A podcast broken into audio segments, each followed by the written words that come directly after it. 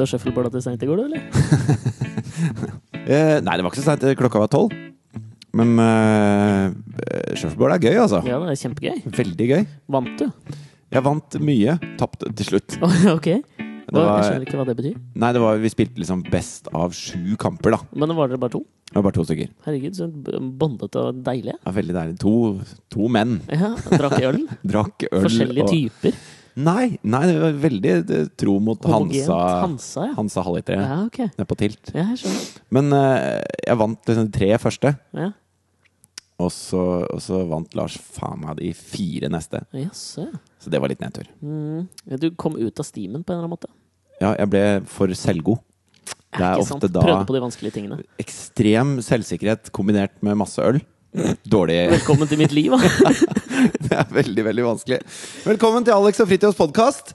Vi Åh! er sammen igjen! Deilig, ass! Ja, det er veldig, veldig fint. Jeg, jeg, jeg syns forrige avsnitt sugde pingvinkukk, så jeg har lyst til å virkelig løfte reise kjerringa denne uka. her Tar Ok. det på min kappe, ass. Jeg ble bare rett og slett tatt av landet USA. Det jævla u-land drittland, ass. Ja, altså, Forrige podkast var vel ikke vår beste. Skal vi være enige om det? Eh, Det er, det er, mange, det er mange utenforstående forklaringer, men det koker egentlig ned til at uh, vi, kanskje mest jeg, var, jeg var, var, ikke, var ikke til stede, ass. Jeg, jeg syns vi skal være litt snillere med oss enn det. Jeg okay. synes vi skal si at Det er veldig vanskelig å gjøre det på Skype. Ja, det var faen vanskelig, ass! Det er vanskelig å gjøre det med andre mennesker i rommet.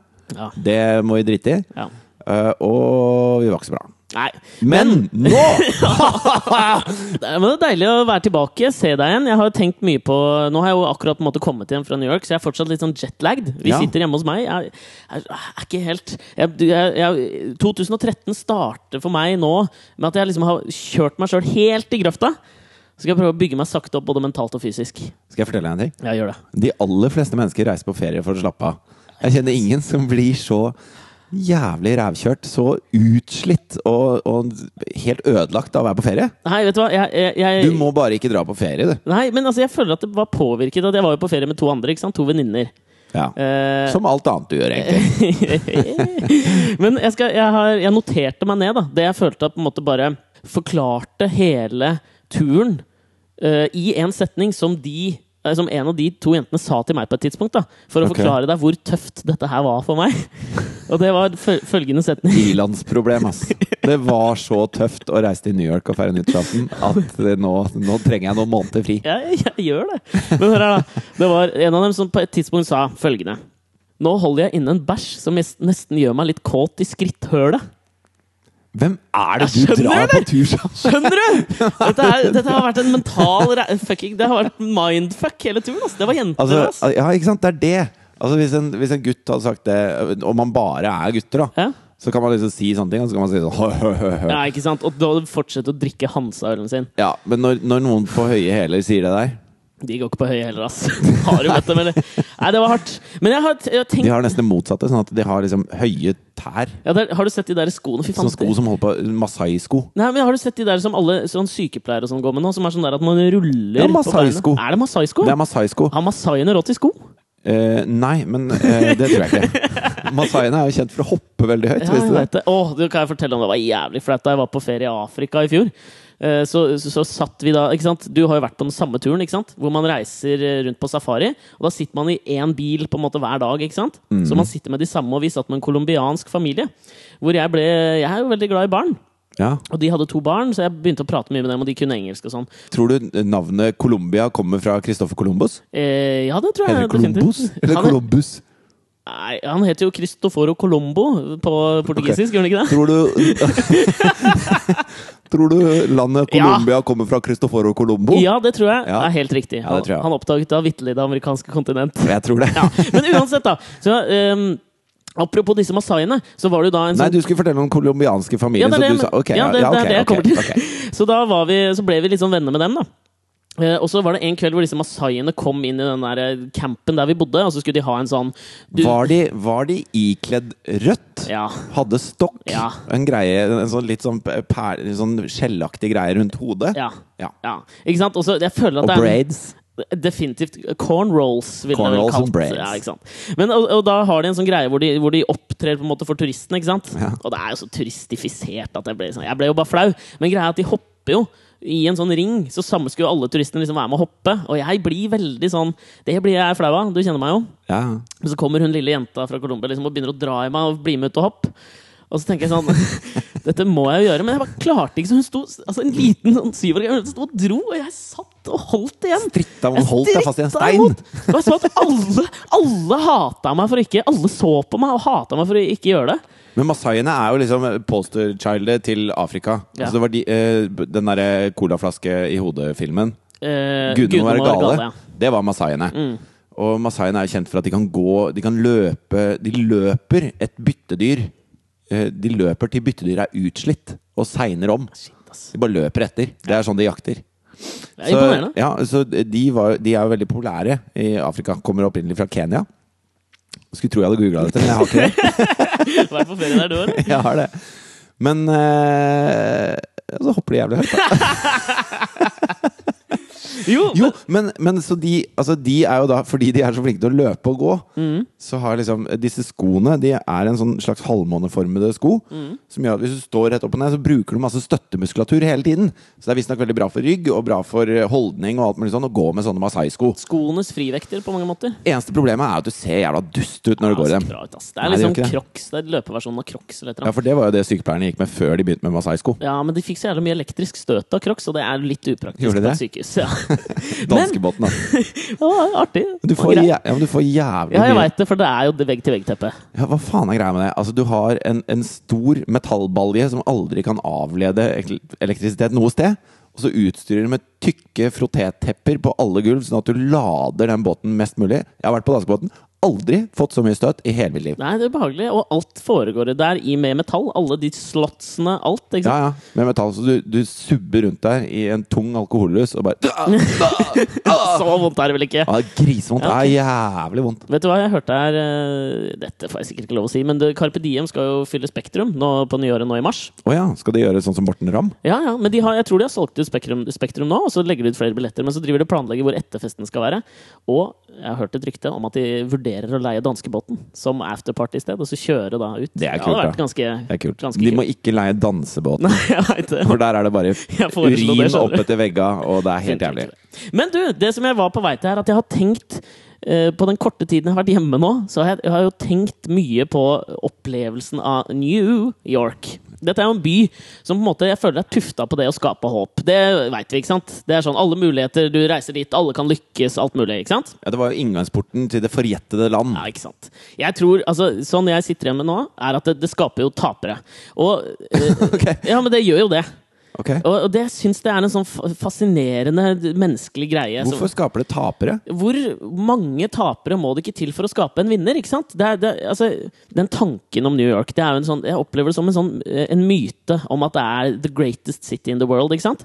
Og den blir liksom selvoppfyllende på en eller annen måte, fordi eh, hvis du har reist dit, da, sånn som jeg gjør, og kjøpt myten om at det er en, sånn, the- en great city, det er ingen bedre, det er the big apple, liksom, det er så svært, Ja. og så kommer du hjem.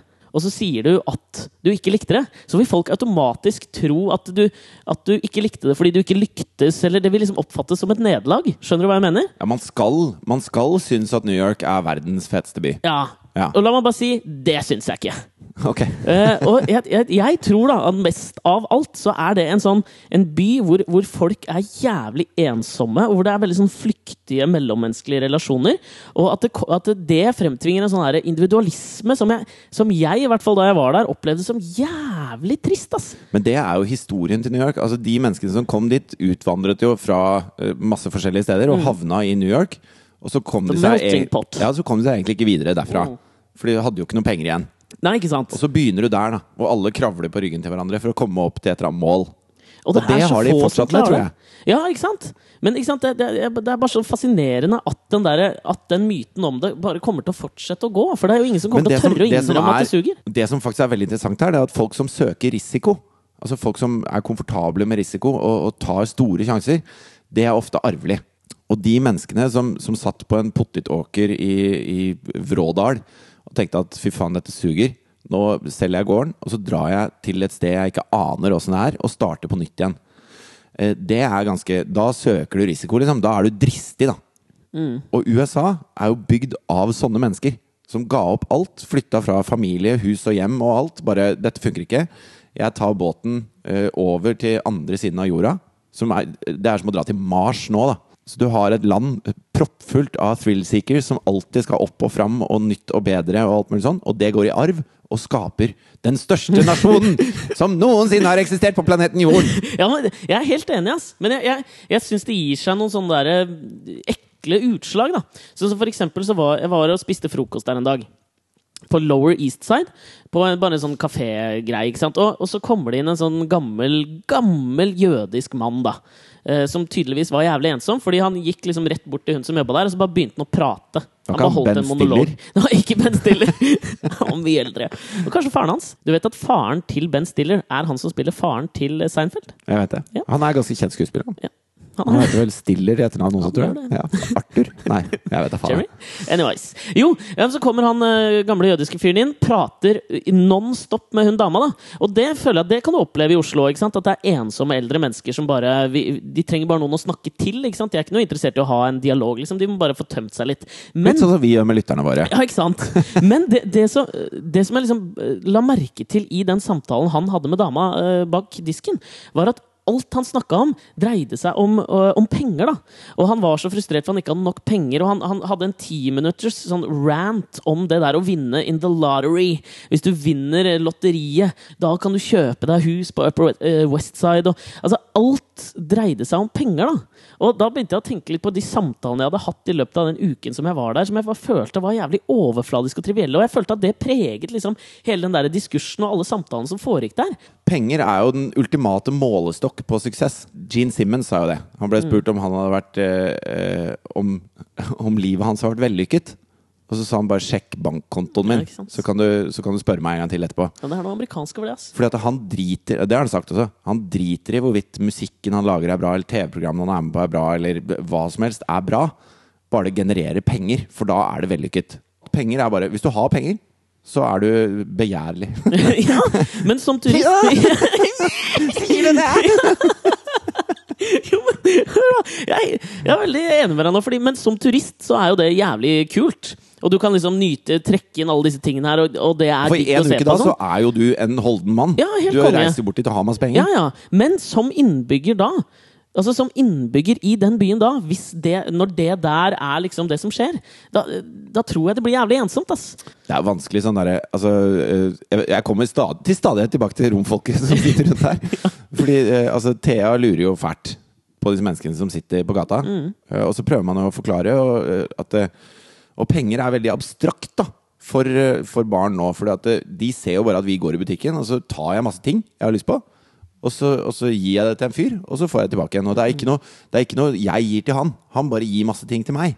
Og så, og så har jeg prøvd å forklare at eh, det, det er penger inni disse kortene her. Liksom. Sånn at, eh, og de pengene de har ikke de som bor på gata, sånn at de trenger at vi gir dem penger. da Det er litt som å forklare internett. Veldig vanskelig. Ja. Og, og hun, men hun later som hun skjønner det. og så sto det en fyr eh, som var eh, arabisk utseende, i litt sånn smart dress. Eh, med to bæreposer fra en eller annen eh, Om det var Akne altså, Han hadde liksom Han var ikke fra romfolket, da, for Ja. å si det sånn. Og han hadde trukket seg inn under en eh, markise i Markveien fordi det regna, Ja. og sto der med sin iPhone 5.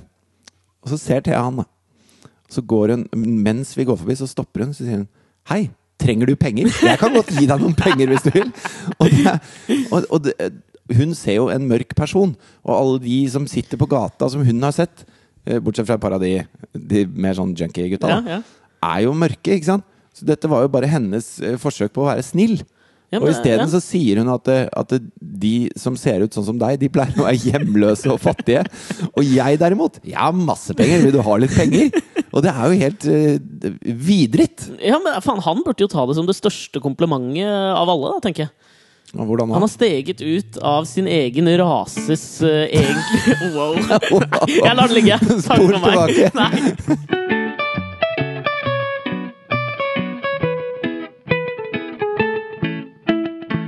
Men jeg har lyst til å bare fortsette litt med det med New York. Okay. Fordi vi, vi bodde jo, som jeg fortalte deg forrige gang, så bodde vi i Bushwick. Som liksom skal være det nye, hippeste området der borte, ikke sant? Uh, det var det ikke. Det var en getto, ass.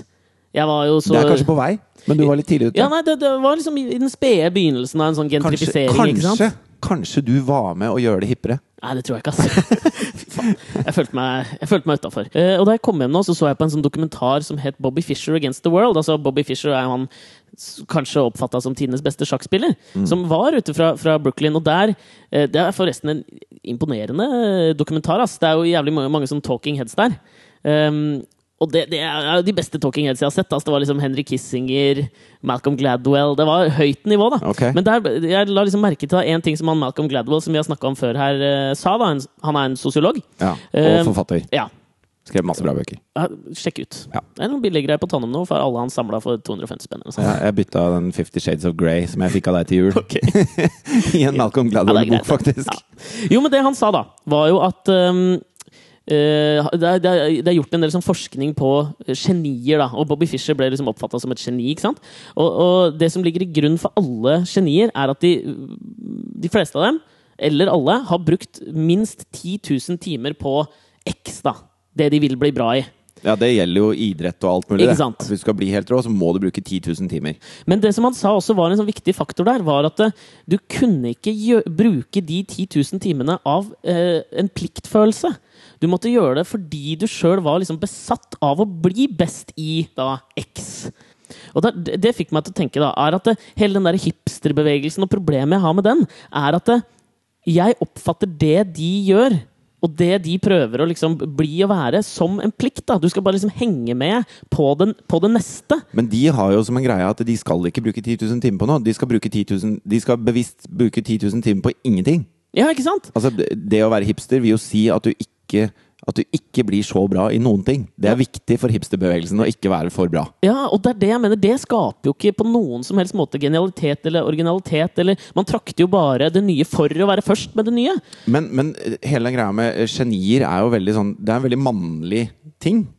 Fordi at det, det er stort sett menn som er så nerder at de, at de gidder å bruke 10 000 timer på én liten nerdeting. Ja, Se på sjakk-champions, liksom. Det er jo bare menn Ja, som ble gærne etterpå. Ja, og det, og det eh, Man blir så spesialisert at man blir helt ubrukelig. Du får en sånn derre en sånn selvpåført Aspergers syndrom, Ja. på en måte, for du blir så spesialisert at du funker ikke til noe annet. Eh, Olof Palme klarte ikke å koke et egg eller knytte skolisser engang. Han var så jævlig opptatt av internasjonal politikk at Ja. det, det var kun det som sto i huet hans. Det det minner meg litt om sånne du vet, sånn verktøy som bare passer til én ting. Hvis du kjøper en Ja, lite bevandra i kjøper en- ass. hvis du kjøper en lampe, da, og så følger det med en sånn egen nøkkel som du bruker til å skru akkurat den tingen med, Ja. og det passer ikke til noen ting annet. Sånn! Det er et geni, på en måte. Ja. Det kan bare funke til det, og det er bare den som kan gjøre det. ja, men det som er Så i også det store og hele så er disse gen- geniene litt ubrukelige. Ja. ja, det er gøy, men de har jo ikke den opplevelsen av det, sånn som han Bobby Fischer sa i Etter at han Det klikka jo for han, ikke sant? Ja, Først- Flytta ikke han til Jo, Island? nei, det som først skjedde, var jo at eh, etter at Den store kampen han hadde, var mot han Boris Baski i 1972. ikke sant? Hvor det var, det var jo hele symbolet på den kalde krigen. ikke sant? Hvor, Var det ikke også han som spilte mot den datamaskinen? Nei, det var Kasparov. Kasparov var det. Ja. Men greia var jo at den svære kampen der, som, var liksom den kalde krigen, og som ble holdt på Island, det var mye fram og tilbake. Etter det så begynte det å klikke for um, for Bobby Fischer. Og så ble han med i liksom en sånn kirke, men det, det skar seg, og så forsvant han helt og flytta til Budapest eller noe sånt. Eh, Men så eh, hadde han jo en sånn rematch mot Boris Baski i det gamle Jugoslavia, hvor da eh, det var ulovlig, for det var jo da USA hadde lagt inn en sånn embargo at man fikk ikke lov å, å være der og, og tjene penger der. Ikke sant? sånn var det. Eh, Så han ble jo da ettersøkt etter å ha vunnet den kampen igjen mot Boris Baski. Og da fikk han da eh, statsborgerskap på Island. Ja, han Eh, flykta dit, rett og slett, fordi han var et, ja, Glødende antisemitt. Ja, ikke sant? Og, og, og, og da var det et intervju med han hvor han også sa det at eh, han så ikke på seg selv som et sjakkgeni, han så på seg selv som et geni som spilte sjakk. Og det tror jeg det, er ikke, Nummer én så tror jeg det er en sånn, det er en sånn genigreie. At du ikke du skjønner ikke at det er sjakk du kan, liksom. Så tror jeg nummer to at det er en jævlig sånn ma mannlig greie, da. Veldig, veldig mandig. Ja. Jeg leste uh, Eller ikke mandig, mannlig. Ja, det er veldig mannlig. Mansk. Ja, Veldig veldig mansk. mansk. Jeg leste en sånn eh, en sånn undersøkelse de hadde gjort på Scientific American, hvor de hadde sjekka det der om menn og kvinner. Kan vi bare være venner? Går det an å være best friends med en dame uten at det blir noe seksuelt under? da? Hvis noen skal kunne svare på det, så må det jo være deg som har alle disse venninnene dine. Ja. La meg spørre deg, Alexander. Kan menn og kvinner bare være venner uten at det er en seksuell undertone et eller annet sted? Ja, men Det er det som er gøy, da. Fordi uh, ifølge mener du? Ja, jeg mener, jeg mener ja. Men jeg er jo ikke så mann, mannlig av meg. For det de hadde gjort, var at de hadde, de hadde tatt da 88 par. Altså, som i vennepar, Ja. menn og kvinner. Så hadde de jo da skrevet under på at dette kunne vi aldri snakke om utenom, for å få liksom ærlige svar. da Og det som var helt sånn tydelig, var at menn hadde, Altså Kvinner mente at det ikke var noe problem å være venner med en mann. Mens mannen konsekvent trodde at eh, dama var forelska i han, eller at han hadde sjans på dama, eller at hvis det hadde oppstått noe seksuelt, så hadde han acted upon it. Vet du hva? Vet du hva? Kanskje det er det de ser på som genialt. De ser på dette vennskapet som genialt, for de har lurt disse damene. ja, det det jeg har gjort? Ja, det er det du har gjort. Så de er genier. Takk!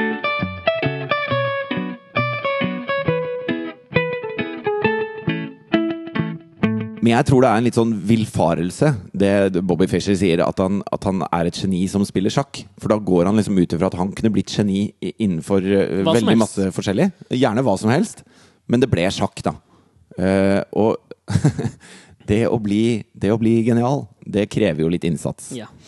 Uh, og nå skal jeg fortelle en liten historie fra virkeligheten. Ok. Men jeg eh, tok meg Merker at du la stemmen din litt ja, ned. jeg gjorde det, for, å for å komme litt dypere inn i øregangen Ja, okay. til folk. Men eh, eh, jeg var med Thea Jeg tok med henne for å stå på skøyter. Og på Frogner stadion så har vi sånne Jeg ser ikke for meg deg på skøyter. Jeg er jævlig god på skøyter, jeg. Er du det? Ja, jeg gikk på, på isdans i syv år. Nei, det gjorde du ikke, ass! det gjorde jeg ikke. Jeg er bra på skøyter og blades. Det Ok. Mm. henger jo sammen. Rollerblades og skøyter. Jo, og så, og så kommer vi ut på banen der, og hun har ikke stått så mye på skøyter. Jeg har kjøpt nye skøyter til henne, og så har hun på seg da en sånn bobledress, for jeg tenkte det er kjekt hvis du skal tryne masse, at det er noe som bad Boble i halsen. Ja.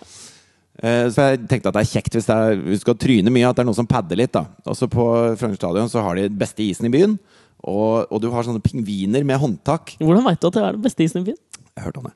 Eh, og så kan du holde da i de håndtakene på de pingvinene, og så, og så sklir de rundt. Og da lærer du deg på en måte skøyting mye bedre enn hvis jeg holder den i hånda, eller et eller annet sånt, da, for da bare stoler hun på meg. Uh, så vi kommer dit, og det er jo en del barn der og sånn. Ja. Og så er det noen sånne jenter som er fra tre til sju år, som har på seg sorte tights og, og tettsittende sorte overdeler og sånne rosa glitreskjørt. Og sånn rosa overtrekk på skøytene sine og sånn rosa glitregreie på huet under hjelmen. Og er dritbra. ikke sant? Står og tar piruetter og går baklengs og forlengs og holder på. Og så står Thea der da og klamrer seg til den pingvinen og ser ut som en sånn ball i bobledress. Og hun har jo lyst til å være prinsesse, ikke sant? Og så ser du bare det der lange blikket hun har mot de Og det er jenter som er yngre enn henne, til og med. Og de ser så søte og flinke ut, da. Og de har sikkert, de har sikkert blitt piska av foreldrene sine til å Ja, gå på isdans i Ja, jeg, jeg, årevis. jeg får sånn derre ro står- Romania-følelse under Ceaucescu, da hvor de liksom øh, de avla opp disse ungene liksom, til Ja, å bare vinne en olympiade i en alder av 14, liksom. Men Thea har jo så lyst til å være prinsesse, og så står hun der. Og Nei, å, hun, hun ser jo ut som en, en ball sant? i bobledress. Og, og med sånn lue med dusker på og svære votter og står og klamrer seg til en pingvin da, på de skøytene sine. Så ser du det lange blikket som følger disse små sylfidene som tar piruetter og hopper og står i. Og så merker du liksom at hun svelger litt sånn tungt, da. Og så ser hun ned på pingvinen, og så prøver hun å ta et par sånne famlende steg. Og sklir så, så trynet liksom ned mot pingvinen. Opp og opp igjen. Og bare Dette er kjempegøy! Ja, men, Og det, og det var, jeg syns det var skikkelig tungt å se på. Men samtidig så har jo ikke jeg lyst til å lage noe hun ikke er av henne. Hun må jo få lov til å leke sånn som hun leker. Og selv om hun har lyst til å være prinsesse, så må hun være det innenfor eh, inn- innenfor sine greier, da. Og hun er jo en, hun er jo en prinsesse. Hun er jo helt fantastisk. Men, eh, men da kjente jeg sånn herre Det er jo foreldrenes ansvar, det greiene der. Og, og hvis jeg må, jeg må være våken for å se hennes behov. Og hvis hun har lyst til å bli en liten isdansprinsesse, så må jeg lage det av henne. da. lage det Ja, det er jo sånn! Ja, jeg vet, men det høres veldig sånn klinisk Ja, sånn det- plastilina ut. Jo, men men, jeg er skjønner det. hva du mener. Da må jeg, dra, jeg må dra og hente henne i barnehagen hver dag og, og kjøpe det stæsjet, og så må vi dra på Frogner stadion hver dag, da. Jo, men altså Men nå- da er det masse annet hun ikke kan være prinsesse i. Ja, men det er det, altså sånn, nå skal jeg si noe altså, jeg, ble veldig, sånn, jeg ble veldig rørt av det du sa nå. Men samtidig så må jeg på en måte kontre det med at barn er jo tjukke i huet, ikke sant? så, så, så det jeg tenker er at hun føler jo sikkert det der og da, men om, om en måned så har hun lyst til å bli en sylfide da, innenfor å spille fiolin. Jeg tenker i hvert fall sånn, sånn funka jeg da jeg var liten, kanskje. Altså, det- Ja, de har jo lyst til alt alt hele tiden. Kanskje nummer én også. Det koster jo sikkert jævla mye cash. Ja, men Skal det, du er, kjøpe, det koster liksom, ikke så mye. Det er verre hvis hun har lyst til å bli en alpinsylfide. hvis det fins. Andrine Flemmen, det er ingen som har kalt henne en sylfide. Ja, det er hun, ja! Ja, ja. Å nei. De har blitt så tjukke nå, vet du, de alpinjentene, fordi at det går, da, da detter du fortere ned bakken. Ah, Har de det, eller? Det gir fart, vet du. Ja, selvfølgelig. Jeg kunne aldri klart Fett er fart, som ja. Kjus pleier å si. Fett er fart.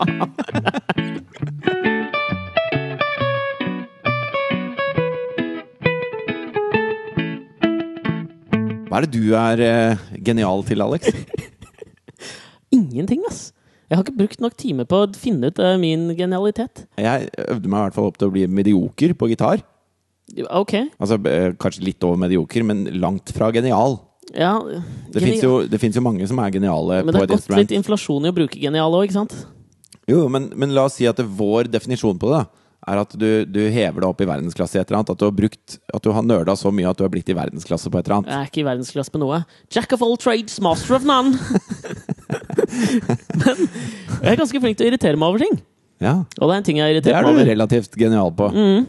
Altså, uh, Sigrid Bonde Tusvik og Lisa Tønne har jo en podkast. Jeg har ikke hørt så mye på den, men så så jeg en sak på, på Dagbladet her nå, hvor de hadde sagt uh, i podkasten sin at uh, Anne-Kat. Hærland hadde stjålet noen vitser fra dem som hun hadde brukt i sitt show. Um, og så sier da uh, Sigrid Monde Tusvik i slutten av den saken Lisa og jeg kan ikke stå inne for det vi sier i podkasten, for den funker som en utslagsvask. Vi har på en måte sluttet å dusje og heller begynt med podkast. Så får hun spørsmål fra journalisten hvorfor kan dere ikke stå inne for det dere har sagt. Det må da være lov i dette landet å sparke i alle retninger uten å måtte stå til ansvar for det etterpå. Det har vi jo lært Anne-Kat. Dette her har jeg Hva? Ne, men nå skjønte jeg ingenting av hva du sa. Altså, Altså, jo, jeg skjønte det, men, men eh, det må da være lov å ikke stå inne for det man har sagt? Ja, når du, eh, altså, når du sier dette her Det må være lov å ikke stå inne for det man har sagt. Hva, hva betyr det, har jeg tenkt litt på. Ja, det er, Altså- men det er en veldig farlig dør å åpne. Ja, Skjønner hun ringvirkningen av det hun sier der? Altså, hvis du ikke står inne for det du sier, så automatisk mener jeg at du fraskriver det du sier, all verdi. da. Mener ikke det de sier i podkasten? Eller hva, hva mener de av det de sier i podkasten? Og hvilket signal sender du til de lytterne som hører Men, på det? men da? kan det være at det liksom, de sier at det er humor, sånn at det, i humorens tegn så kan, man, så kan man si hva man vil, og man må aldri stå til ansvar for det?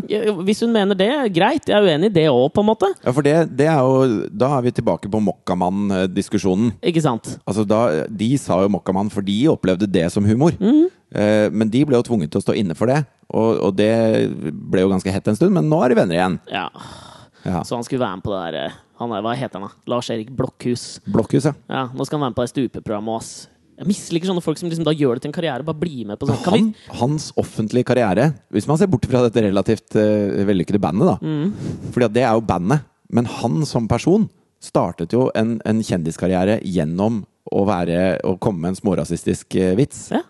Husker vi det, liksom? Jeg, Nei, men det, nei, men det var hans Ja, grobunn. Men Akkurat som Paris Hilton knulla seg til fame. Ja, å fy faen, jeg blir irritert av det. Men la, nå skal jeg holde meg til saken her, da. Okay. For det jeg mener er det sånne ytringer som eh, Tusvik kommer med der, det bare fordummer hele offentligheten. da. Altså, Hun veit at det er mange som hører på podkasten hun lager, og hun veit at det er mange som kommer til å lese den saken som er på Dagbladet. Og da tenker jeg altså, Podkast er ikke det dominerende mediet som fins akkurat nå, men det er, liksom, det er i økning, og jeg tror da at hvis vi ser på andre land, så tror jeg liksom podkast kommer til å være Men drit i om det er podkast. Altså, hvis, hvis, hvis jeg møter noen på gata som jeg står og prater med, så må jeg si ting som jeg kan stå inne for. Ja, jo, men det, Det gjelder, skal- det gjelder alt. Ja, jeg skal komme til tenker dette jeg. Men ikke sant, altså jeg tror også, for, La oss ta det innafor den der konteksten der, at det er i en podkast. Ja. For det er det hun liksom setter som grunn. da At Innenfor denne mediale kanalen så trenger vi ikke å stå innenfor det vi gjør. Så mener jeg bare at ok, og podkast kommer til å utvikle seg. liksom Det kommer til å bli en av de mer brukte kanalene, tror jeg, Og hvis det, er, hvis det er som hun sier, at det er en utslagsvask, da, hvor de har slutta å dusje og får det ut på den måten Mm. isteden, hva, hva er det de får ut, da? Hvis man ikke skal høre på hva de sier. Ja, det, det, det, det Altså, har null mening. Ja, det er det jeg ikke skjønner. Nei, ikke jeg heller. Vi må, vi må passe på når hun sier sånn som det der. Da. Fordi at Jo større utstrekning da, en sånn medial kanal får, jo mer gjennomstyrer det samfunnet, tror jeg. Og så, og så blir, så blir uh, hele den mediale kanalen en slags en, en metafor. Det blir et sånn mønster, et sånn paradigme på hvordan man kan konsumere noe. Men det innebærer jo også at grensene for det mediet, da, som i dette tilfellet er en podkast, blir grensene for hva hele kulturen kan ta seriøst og arbeide seriøst med. Og når hun da liksom undergraver sin egen sånn mediale uttrykksform, så undergraver hun jo hele utstrekningen til podkasten som medium. Og, og det er så dumt gjort! For Altså, da det- sager du jo av den greina du sitter på. Ja, Altså, jeg har jo hørt litt på Tusvik og Tønne sin podkast. Ja. Og, og jeg syns jo det er kult at de står litt på barrikadene med ting. Altså, sånn som Med Vågå-saken så hadde de et, et langt segment hvor de kødda med det. Okay. Men da kødda de med det på en måte som gjorde at det, eh, altså Når du bruker ironi og sarkasme, og det, det kommer tydelig fram hva de mener, men de lar seg eh, Altså De tør å utforske de tingene som man liksom ikke sier. da Og det syns jeg er en viktig ting innenfor humor og komikk og standup og podkast og alt. Ja, ja. Eh, men hele fundamentet i det må jo være at du mener et eller annet. Fordi at det, det du sier må alltid belyses i henhold til hva du mener, for at det skal være morsomt eller interessant eller gøy. Sånn at det, Hvis hun sier at dere må ikke høre på hva vi sier, nei vel, da får jeg skru av den podkasten, da. Fuck det der, ass.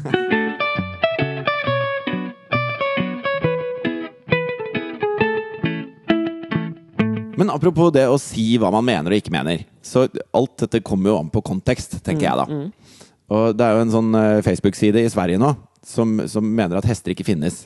Hæ, er det det? Har du fått med deg? Nei, det har jeg ikke. De, de skriver da at eh, det er ikke vitenskapelig bevist at hester fins, da. Ok. Så de mener at hester fins ikke. Hvilken vitenskap er dette her, da? Nei, det er akkurat det samme som at eh, Og så kommer jo folk og sier at ja, men hester er jo sånne og sånne dyr og sånn. Så sier de ja, men drager er jo reptiler. Men de fins heller ikke. Ok. Så de bare De fornekter hester, da. Og for meg, så Jeg syns dette er veldig gøy, for det er så, det er så sinnssykt offpist å, å tenke den tanken. Og de har jo fått helt sånn notorisk mange likes også.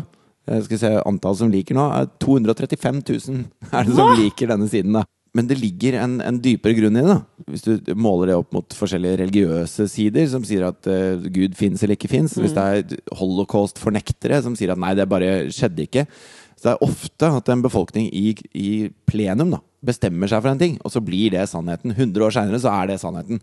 Så hvis disse hadde gønna på, så plutselig kunne hester da slutte å eksistere. på Ja, I 2100, liksom? ja, så, så er det sånn Hvis du tror på hester, da er du helt dust, liksom. Jo, men det, faen, jeg så, jeg så um, Men i den konteksten, de ljuger deg jo rett opp i trynet. Du vet at de vet at hester fins.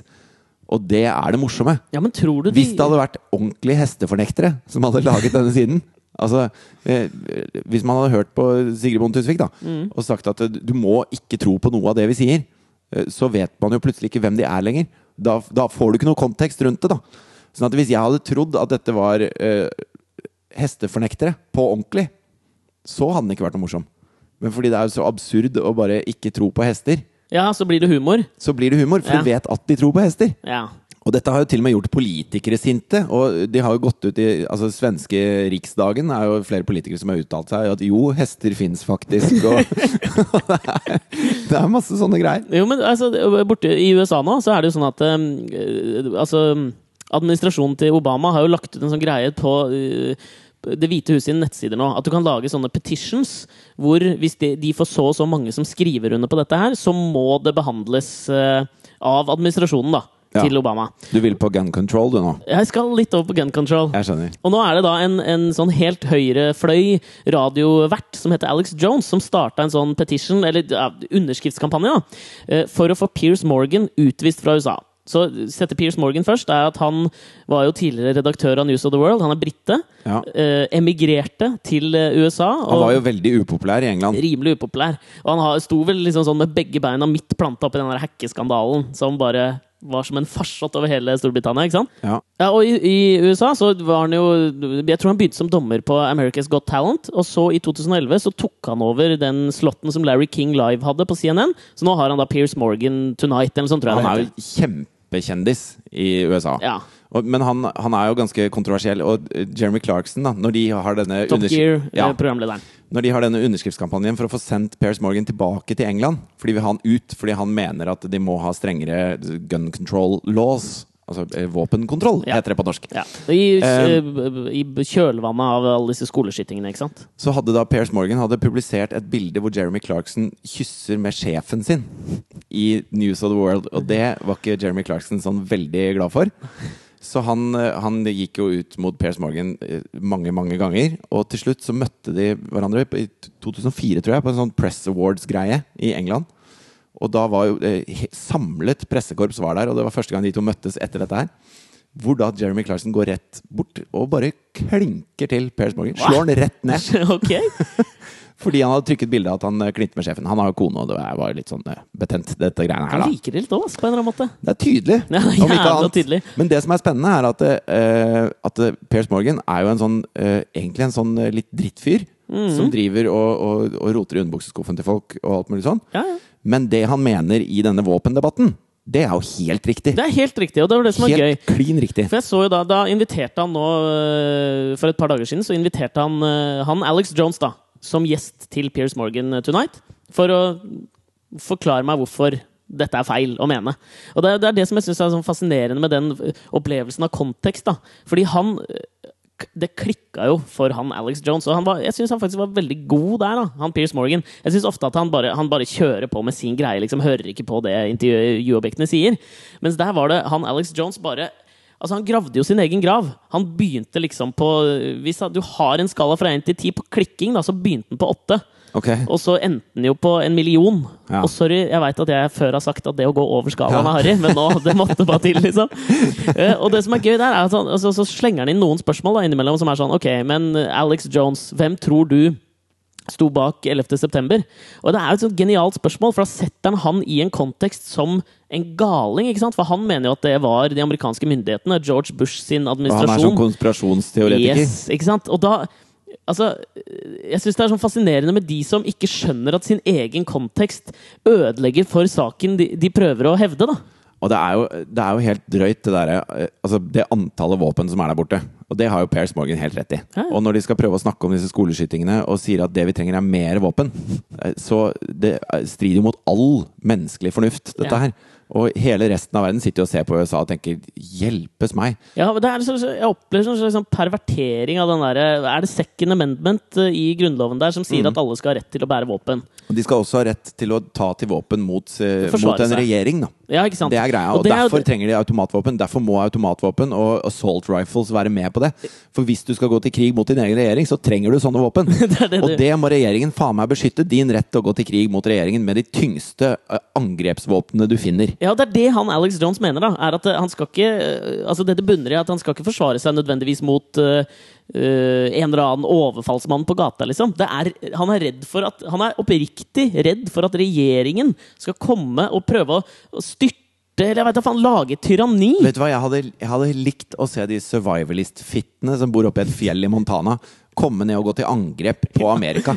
Det, åh, det hadde vært så selvutslettende deilig å se de idiotene bare lide for sin egen dumhet. Ja, Men de fins jo i Norge òg. Jeg leste noen sånne saker om det fins masse mennesker som har stacka opp da tre måneder med liksom hermetikk og alt mulig rundt omkring i Nordmarka og sånn? I tilfelle I tilfelle det skal skje noe! Men tror du at de som hamstrer hermetikk oppe i Nordmarka, også hamstrer våpen som de har lyst til å bruke mot den norske regjering, for de er redde for Arbeiderpartiet og hvor du kan bære hen? La meg sitere NRA som et svar på det spørsmålet du stiller der. Okay. Dette var det de sa etter den Connecticut-skytinga. The only thing that stops a bad guy with a gun is a good guy with a gun. Better safe than sorry, man. Altså hvis du tenker, Det som stoppa den skoleskytingen i Saddy Hook, det var jo han fyren. Han skøyt seg sjøl i huet. Ja. Det vil si, altså ytterste konsekvens av det de sa der, er at han er begge deler.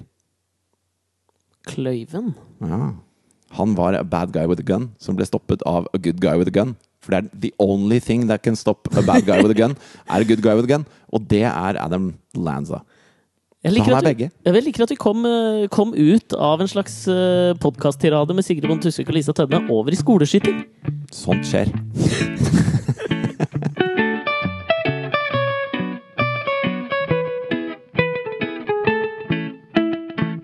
Men det som er spennende nå, da, det er at for første gang så har jo Amerika begynt å snakke om uh, litt mer på ordentlig.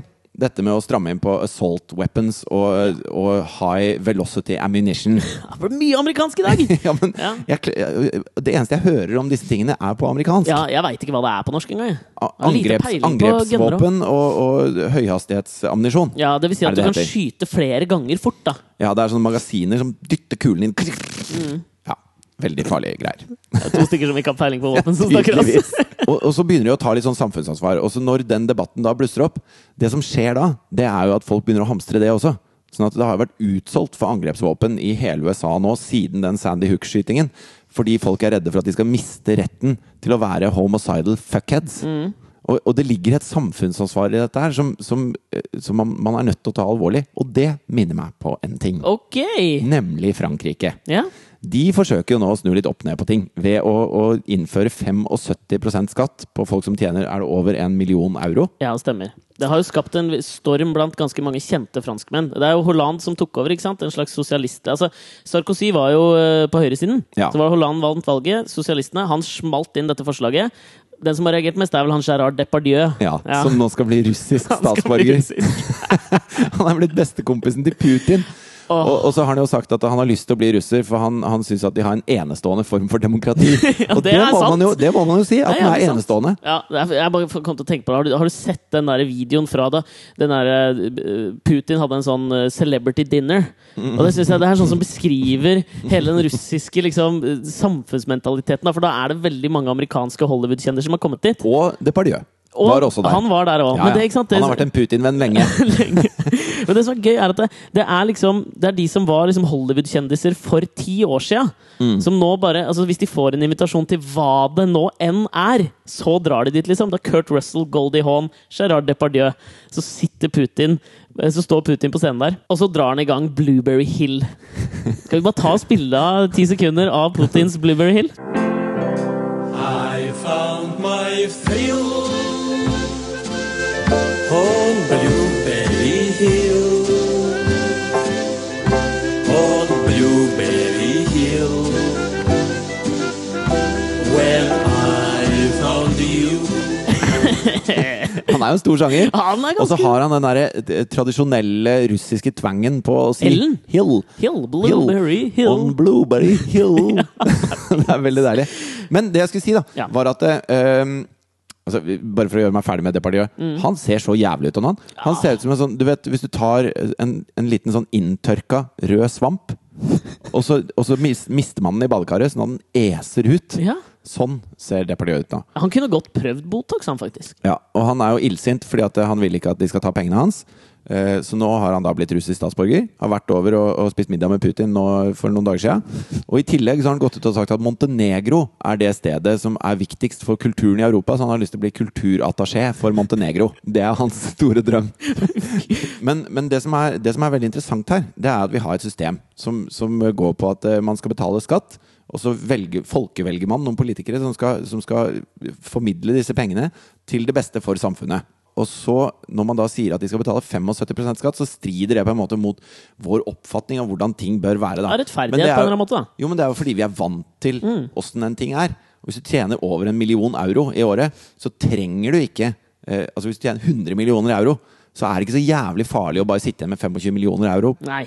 Så, så jeg syns egentlig det er helt greit. Ja. De folkevalgte bør jo i hvert fall i et demokrati være i stand til å disponere de pengene bedre enn en oppblåst uh, kulturattaché fra Montenegro. ja. La oss summere det opp med at vi kan kalle Gerard Depardieu det det nåtidens ekvivalent til Marie Antoinette, som sa bare 'let them eat cake'. Ja. Mens Hollande er idealisten som vi står 100% bak. Absolutt. Takk for oss. Hvor mye tjente du i fjor? Dritmye. Ville du betalt 75% skatt? Ja! Altså, det ville ikke jeg, altså. Her sitter du med en forsvarstale i Ja, fem men jeg må jo få lov til å tjene mer! Jo, hvis jeg tjener over Si 100 millioner, da. Da kan jeg godt betale. Ok, 75. da er det greit, ja. Da er det greit. Du må opp i en viss sum. okay. Ellers vil jeg ha så lite skatt som mulig.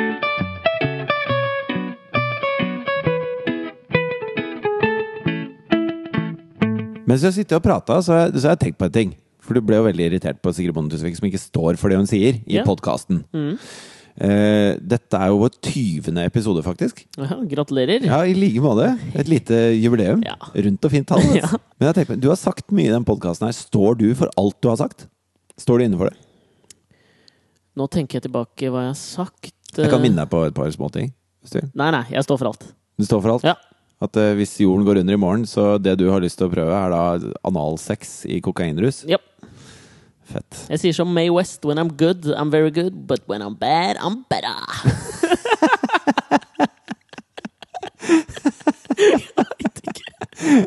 Sa hun det? Sa hun akkurat sånn, eller?